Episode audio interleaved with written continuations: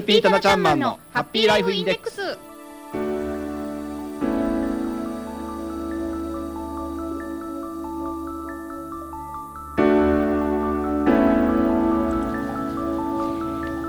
FP タナちゃんマンのハッピーライフインデックス」この時間はあなたの夢と未来をトータルサポートするライフサポート有限会社の提供でお送りします。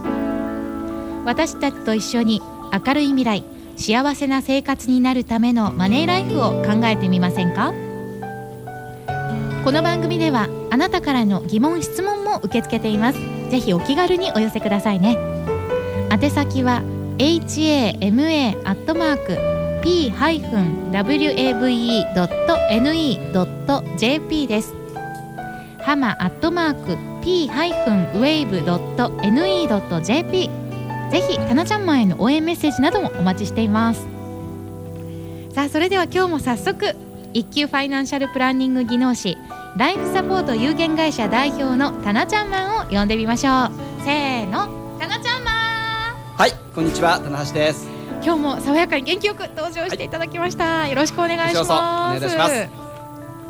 さあタナちゃんマン、えー今日は防災とボランティアについて考えようという日になってるんですけれどもね、えーこのハッピーライフインデックス、えーいろいろなお話含めてお送りしてるんですけれども、はい。えーどうですか？防災にそうですついて、ね。防災について。ですのでね、まあえーまあ何かあった時にに備えてということでね、えーじゃあ何かあった時のために、えーどうすればいいのかということを今日はお話をしていきたいなというふうに思います。そうですね、はい。何かあった時備えが大事とね先ほど、防災対策課の村田さんのお話でもありましたけれども、はい実際に何をしていったらいいかってねさっきあの防災袋を用意するとか、はい。そういう話もありましたけれども、はい。はい。まあリスクマネジメント上でですね、えーまあ、リスクマネジメント上といいますかファイナンシャルプランニング上でもですね、はい。まあ、リスクマネジメントという観点があるんですけれども、はい。えーそのファイナンシャルプランニング上でおけるリスクマネジメントというと、はい。原口さんはどのようなものをえイメージされますか？リスク危険をこう自分ではい。コントロールするということですよね。そうですね、はい、危険を避けるために危険が起こった時にそうですね、はい、やっぱり備えあれば憂いなしということで何かあった時にあの保険をかけておくとか。そうですね、はい。まあ、代表的ななものがやっぱり保険ですよね、ただ何が何でも何か、えー、何何が何でもその保険っていうわけでもないんですよね。はい。そうなんですね。そうですね、はい、例えば先ほどもおっしゃられましたような、はい。えー防災袋だとかですね。そういうのもリスクマネジメントの一つということで、はい、はい、リスクマネジメントはですね大きく4つに分けて、えー考えていく必要があるんですよっていうことなんですよ。四つ、はい。そんなに分類できるんですか？はい、そうですね。まずですね、はい。えー発生頻度、まずそのリスクの起こる頻度ですね。それが、はい。あー低いか高いか。発生頻度。はい。はい。それとおもう一つ、もしリスクが発生したときに、受ける損失ですね、えー被害の大きさ、損失があ高いか低いか。高いか低いか。こはい、のおーまあ、グラフにしますとお発生頻度おもおしょっちゅうあるんだけれどもおはあるんだけれどもはい。損失は低い、あるいはそのお発生頻度も低くて損失も低い、えーはい。あるいはその発生頻度が高くて損失も高いといったようなですね、うん。4つのに分けて考えていくとお何がどういった時にどういうもので、えーリスクに備えていいのかというのが分かってくるというふうに思います。なるほど。そう考えるとあのー細かく四つに分かれるなと今思いました、はい、そうですね、はい。例えばですね、えー発生頻度そんなにしょっちゅう発生するもんでもなくて、えーもし万が一えー発生したとしてもはい。お損失がそんなにないような場合ですと一番リスクが低い場合ですね。リスクが低い場合ですね。発生頻度が低くて、えー損失も低い場合、はい。こういったものに備えるということは大変ですよね。そうですね。備える必要もないんじゃないのかなかなんて思いなてます。安易に考えちゃうそうですね。えーそれはですねリスクマネジメントではリスクの保有と言います。保有、はい。もう保有しちゃえってそそれぐらいのリスクなんか抱え込んじゃってもいいんじゃないかとリスクを保有するっていうことですね。なんとかはい。起こった時にできる範囲じゃないかということでしょうかそうですね。そんなにしょっちゅう起こるわけでもないし、はい。起きてもまあ数千円、まあ、数万円程度で、えーはい。ね、対処ができるものであれば、はい。あリスクを備えることの方のが経費がかかっちゃう。んはい。ですよね。そうなるとまあ保有しちゃった方がいいんじゃないかと。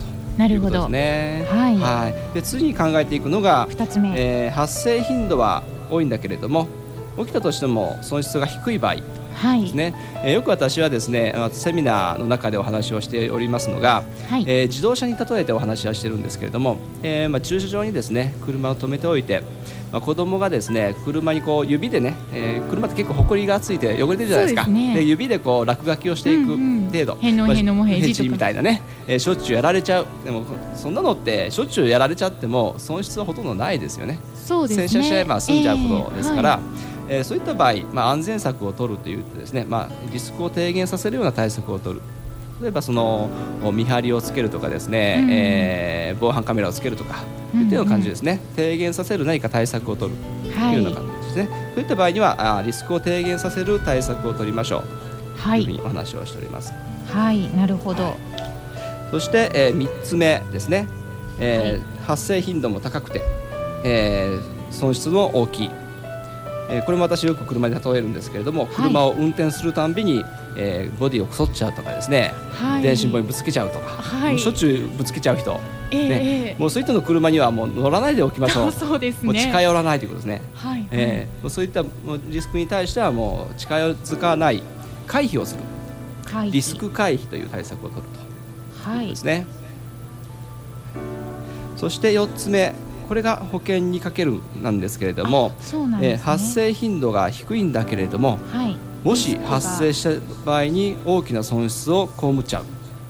例えば車の運転ですと人をまあ跳ね飛ばすような、ね、人身事故はい。でそんなにしょっちゅう起きるものではないですよね。そうですね。ただし、えー人身事故を起こしちゃった場合には下手すると何千万あるいは何億という損失を被ってしまう場合があります。はい。あるいはあー生命保険の分野でいきますとおー家計を支える世帯主の方、い。もし万一のことがあった時には残されたご遺族の生活をおどうやってしていくかということでね、はい。やはり何千万というう保証が必要だ。